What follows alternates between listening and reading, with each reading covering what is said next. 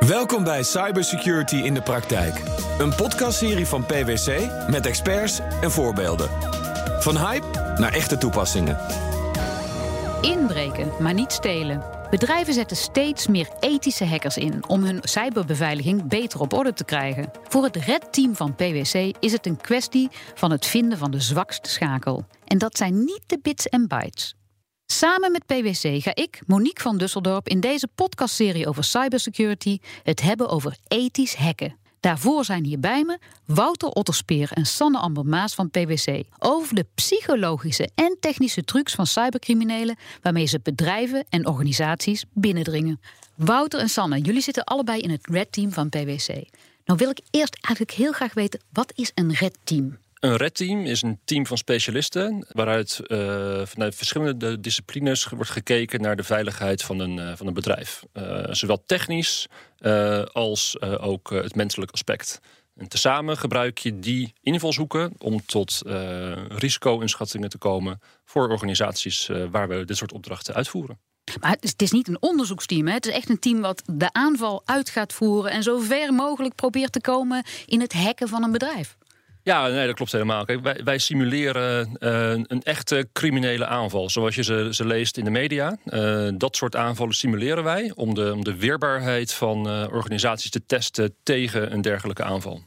Nou, jullie zitten allebei in zo'n team. Jullie, jullie gaan aan de slag om een bedrijf of organisatie aan te vallen. Hoe is de taakverdeling? Wat voor soorten mensen zitten in zo'n team? nou, daar heb je een heel groot scala aan mensen die je ervoor nodig hebt. Want uh, je hebt verschillende disciplines nodig. Want uh, je bent bijvoorbeeld uh, op zoek naar de technische mensen. Je moet uiteindelijk, als je op het netwerk bent, moet je steeds een laagje verder binnen kunnen komen. Maar uiteindelijk moet je ook de eerste stap hebben waarbij je daadwerkelijk binnenkomt. En dat komt heel vaak door middel van menselijke fouten. Dus uiteindelijk moet je ook iemand hebben die de mensen goed kent en die daar weer op door kan gaan. Dus zo proberen we die verschillende disciplines te combineren. Um, om jullie ietsjes beter te leren kennen, wat is nou de de mooiste hack die jullie zelf gedaan hebben? Ik ben heel benieuwd, Wouter. nou ja, de, mooiste hack vind ik altijd uh, dat je echt in, in staat bent om samen vanuit de verschillende zwakheden die je ziet tot één impact te komen. En daarmee bedoel ik het volgende. Um, ik zelf ben meer uh, van, vanuit de technische kant uh, betrokken in de, in de Red Team opdrachten die wij doen. Uh, en dan moet je het zo voor je zien dat een, een stel techneuten... die maakt een wapen, zo zou je het bijna kunnen noemen. Uh, en dat wapen moet wel afgeleverd worden uh, bij, ons, bij ons, onze klant. nou, dat afleveren, dat doet dan bijvoorbeeld Sanne Amber... via al haar specialisme en trucs die ze heeft... om de, om de menselijke kant te bespelen... En op het moment dat dat samenkomt bij elkaar, nou, daar krijg ik persoonlijk altijd heel veel energie van. Omdat ik dat gewoon mooi vind om te zien hoe, hoe we dan toch maar weer in staat zijn om techniek en, en mens te combineren. Eh, om uiteindelijk een echt inzicht te geven in van, joh, hoe veilig ben je nou echt? Sanne, Sanne Amber, kun je een voorbeeld geven van zo'n psychologische truc waar jij trots op bent dat je denkt van hé, hey, ja, dat, zo hadden we ze echt te pakken daar? Nou, dus, dus, er zijn een aantal ingrediënten die je altijd nodig hebt. Dus je moet, uh, je moet iets, iets uh, of iets kunnen aanbieden, of je moet iets hebben wat, wat je ontneemt. Daarnaast moet het iets actueels zijn en er moet een urgentie zijn. Dus uh, wat wij bijvoorbeeld een bepaalde dag hebben gedaan voor, uh, voor een van onze klanten, is dat het, het was een hele warme zomerdag. dus wij zijn uiteindelijk met schorten van dat bedrijf en een coolbox zijn we met simpele raketijsjes door dat bedrijf gaan heen lopen. En iedereen blij natuurlijk. Iedereen blij. Iedereen, iedereen wil namelijk iets van jou. En dat deden wij dan in ruil voor informatie. En in vele gevallen deden we dat dan juist op een hele subtiele manier. Dus dat we eerst een, ja, een gesprek aangingen met die mensen. Uh, je hebt over vakantie, je vraagt even of je de vakantiefoto's van afgelopen zomer mag zien. Uh, en in sommige gevallen vroegen we het ook gewoon direct op de man af van je mag alleen een ijsje als wij eventjes door jouw mailbox heen mogen scrollen. Wow, zijn de mensen oké? Ja, je zou, het, het zal je verbazen. En je zag vaak mensen wel een beetje raar kijken. Maar uiteindelijk geef, heel me, geef me je paswoord en dan krijg je een ijsje. Zo, ja, paswoord hebben we niet gevraagd. Maar het, uh, nou, we hebben bijvoorbeeld wel badges gevraagd. Dus er zijn behoorlijk wat dingen die we hebben gevraagd. En Um, omdat jij, uh, nou, het, is, het is actueel, het is, het is logisch dat je op een warme dag die ijs gaat uitdelen. Uh, daarnaast uh, straal, je, straal je ook het vertrouwen uit, want je hebt een schort van dat bedrijf aan. En bovendien ben je al binnen. Dus mensen gaan ervan uit, joh, het, het zal, wel goed zijn. Ja, het zal wel goed zijn. Ja, maar waarom is het eigenlijk zo belangrijk wat jullie doen? Want het, hoeveel aanvallen zijn er nou eigenlijk op bedrijven? Is dat iets wat de hele tijd aan de gang is, ook in Nederland? Ja, zeker. Kijk, uh, wat dat betreft kan je wel echt spreken van een, van een evolutie die, die, die gaande is. Ehm, sowieso moet je je voorstellen dat eh, een ruime 70% van al het internetverkeer is geautomatiseerd. Hè, dat blijkt uit onderzoek. Dus dat betekent dat, dat daar, daarin zijn uh, mensen op zoek naar zwakheden uh, bij bedrijven. Dus het simpelweg gekoppeld zijn aan internet betekent al dat je automatisch onder aanval ligt. Zo zou je het kunnen stellen. Uh, en wat, wat, is het doel van de meeste aanvallen? Ik bedoel, ze zijn op zoek naar een zwakheid. Mm -hmm. Waarom? Waarom vallen ze aan? Ja, waarom, waarom, waarom niet, Ja. zou je kunnen zeggen. Kijk, uh, uh, ik zeg wel eens, ja, waarom, beklim, waarom beklimt iemand de Mount Everest? Ja, omdat iemand wil weten of hij het kan. En dat was ook zo vanuit, vanuit mijn jeugd toen ik ermee begon met, met, met, met hacking. Ik wilde gewoon weten of ik zo'n computersysteem kon omzeilen. Of ik die beveiliging kon doorbreken. En zo zijn, zo zijn er verschillende uh, motivaties. Hè. Je hebt, je hebt uh, de meeste motivatie die komt vanuit gewoon criminelen. Het is gewoon financieel gewin. Dus die Ja. willen inbreken bij een bedrijf om er zelf ja, rijk van te worden. Hè. Denk aan uh, alles wat je ziet in, in het nieuws over banken en over uh, het stelen van geld via computers, via mobiel bankieren, et cetera. Um, je hebt ook een groep, uh, dat, dat zijn gewoon de activisten, maar dan digitaal. stel, ze zijn het niet mee eens. Ja, je kan buiten gaan rondlopen met een, met een, met een spandoek. Of je kan digitaal uh, proberen protest uh, uh, te geven. Door bijvoorbeeld een website aan te vallen. Of... Die vinden het gewoon leuk om iets plat te leggen. omdat ze het niet eens zijn met degene die daarachter zit. Precies. En dan heb je nog de categorie. ja, die heet een script kiddies, heet het dan in technische termen. Wat gewoon een, een, een, groep mensen is die gewoon op zoek gaat naar slecht beveiligde omgevingen. Omdat ja, gewoon om de tijd te doden. En dat ze het leuk vinden om dat te doen. Mm-hmm. Kom je ook heel veel overheden tegen die ermee bezig zijn? Ja, uiteraard heb je. Dat is, dat is ook een, een categorie, hè, de, de, de state actors, zoals wij ze noemen. Uh, dus denk aan, aan, aan, aan, aan de NSA en China en dat soort, dat soort zaken. Uh, die spelen absoluut ook een rol. Uh, maar daarvan wordt wel gezien van ja, die hebben. Die worden gezien als entiteiten met ongelimiteerde kennis en, uh, en geld. Waardoor de activiteiten die ze uitvoeren eigenlijk altijd wel succesvol zullen zijn. In, in, ook al duurt het wat langer. Kunnen jullie nog een paar voorbeelden geven hoe, hoe slecht bedrijven eigenlijk voorbereid zijn op dit soort aanvallen? Um, heel veel mensen denken uh, dat, dat het niet op hun van toepassing is. Dus heel veel um, aan de mensenkant zijn heel veel mensen niet bewust van het gevaar daarvan. En daarnaast zijn mensen zich heel erg vaak niet bewust van de informatie waarmee ze werken. Dus mensen zijn zich helemaal niet bewust dat zij ook met kroonjuwelen aan het werk zijn. Uh, dus wij krijgen heel vaak de reactie: ja, maar dat is, dat is toch helemaal niet interessant? Um, waarom, waarom zou je dat willen? Uh, maar voor een, informatie, voor, voor een hacker kan juist die combinatie van informatie, dat kan juist goud waard zijn. Uh, dus die bewustwording, die is, daar, die, daar mag soms echt nog wel wat aan gedaan worden.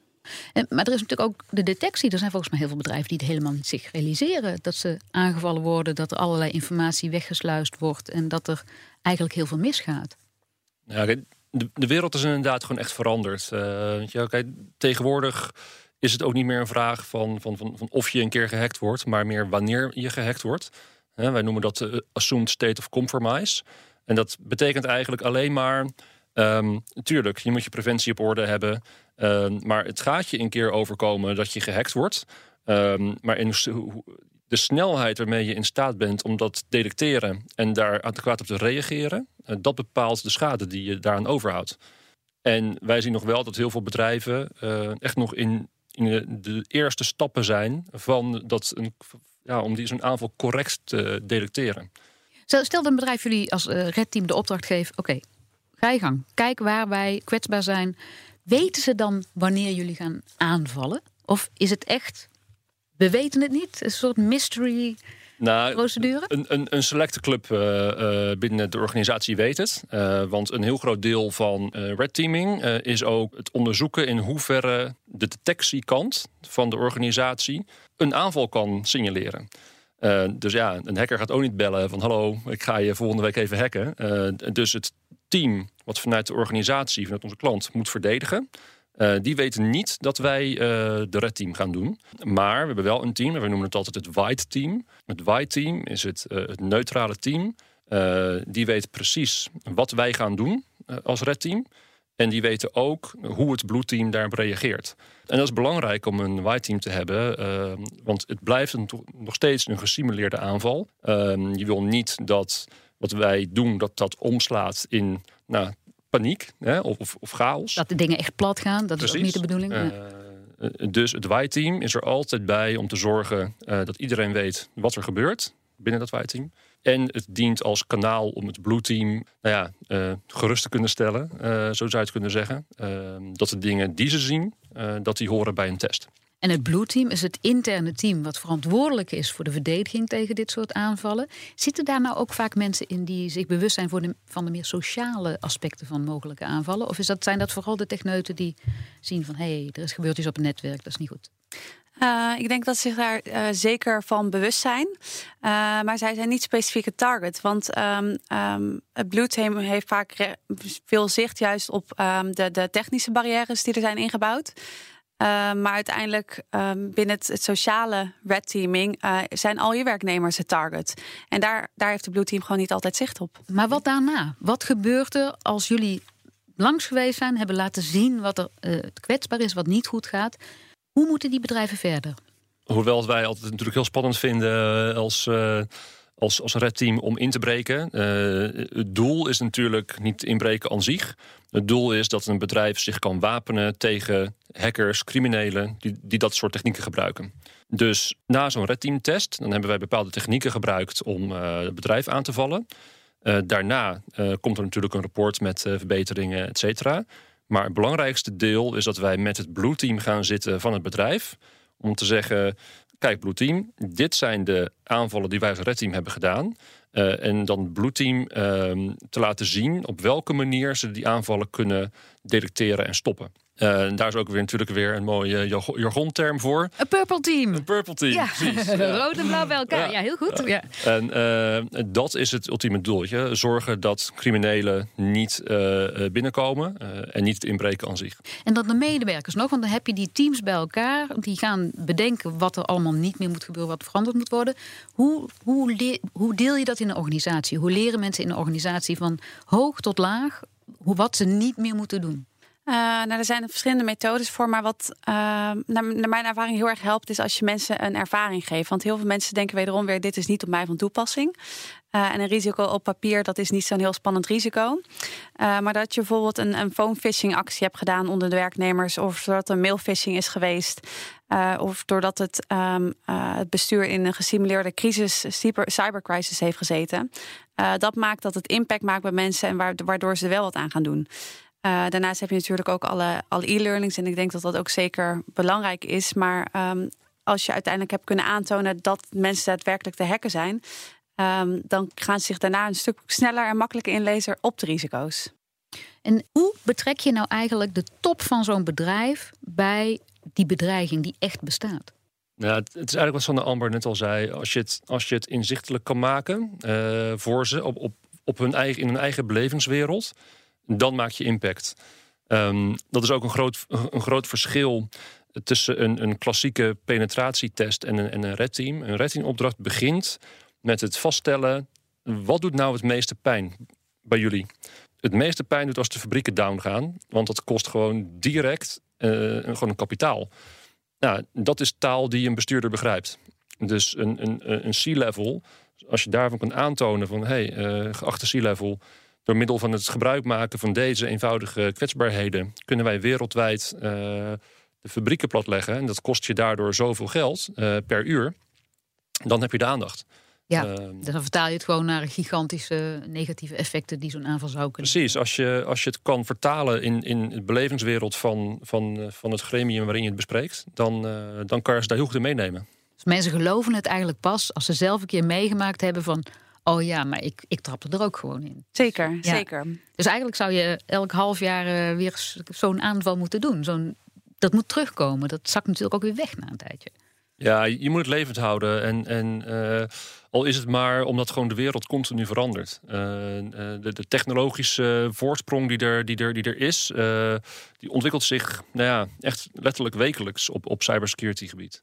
Dus het, het bijblijven en bijhouden van je van je preventie, detectie. Dat is echt een, uh, echt een vak apart.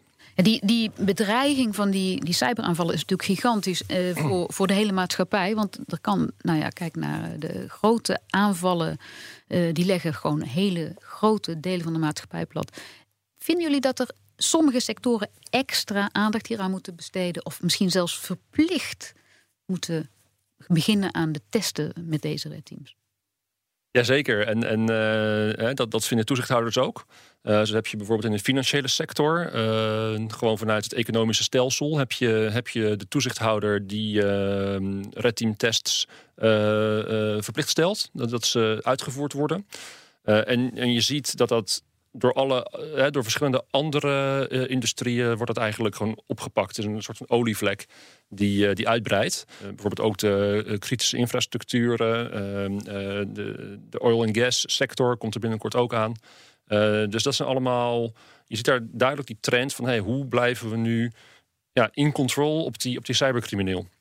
Dus de overheid begint eisen te stellen, en de sector zelf ook, dat sommige bedrijven echt verplicht dit moeten uitvoeren. Ja, absoluut. Dus in de financiële sector eh, is, het al, is dat al zo. En de overige sectoren, daar wordt uh, nou, uh, over nagedacht en aangewerkt. Dus dat, dat komt eraan. Wat zijn nou de nieuwe dingen waar jullie als Red Team zeggen van dat zijn nieuwe technieken die wij nu in gaan zetten, omdat wij weten dat de anderen dat ook doen? Wat is nieuw?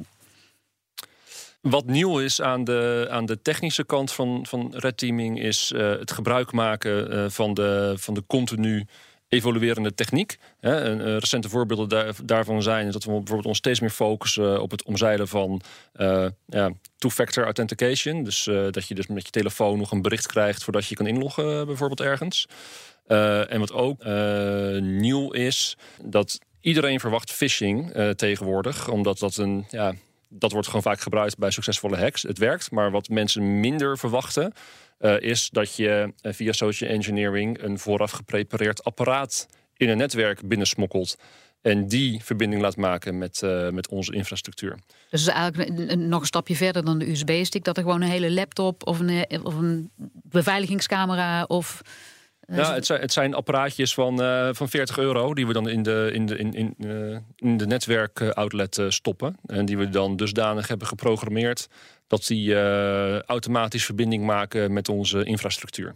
Ah, dus één keer binnen, ja. Eén, één monteur die langskomt en even ergens een stekkertje instopt. En Precies. alles wordt weer uh, zichtbaar voor de buitenwereld. Ja.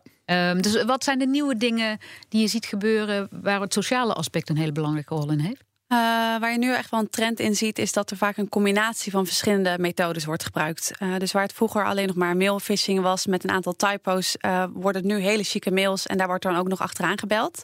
En wat je ook nog vaak ziet, is dat een combinatie van twee mensen wordt gedaan, waarbij één iemand de bad cop is en één iemand de good cop. En dus eerst is er um, iemand die informatie probeert te stelen, die zegt, waarbij er wordt gezegd: Oké, je bent gehackt. En dan komt er een tweede persoon die zegt: Oké, okay, je bent gehackt, ik kom je helpen. Ah, oké. En dat zijn vaak de mensen die alsnog niet kan vertrouwen. Oké. Nou, voor de luisteraar die nu heel graag wil weten wat hij of zij het beste kan doen. Hebben jullie nog tips of tricks voor mensen in bedrijven om te zorgen dat een aantal dingen in ieder geval goed beveiligd zijn?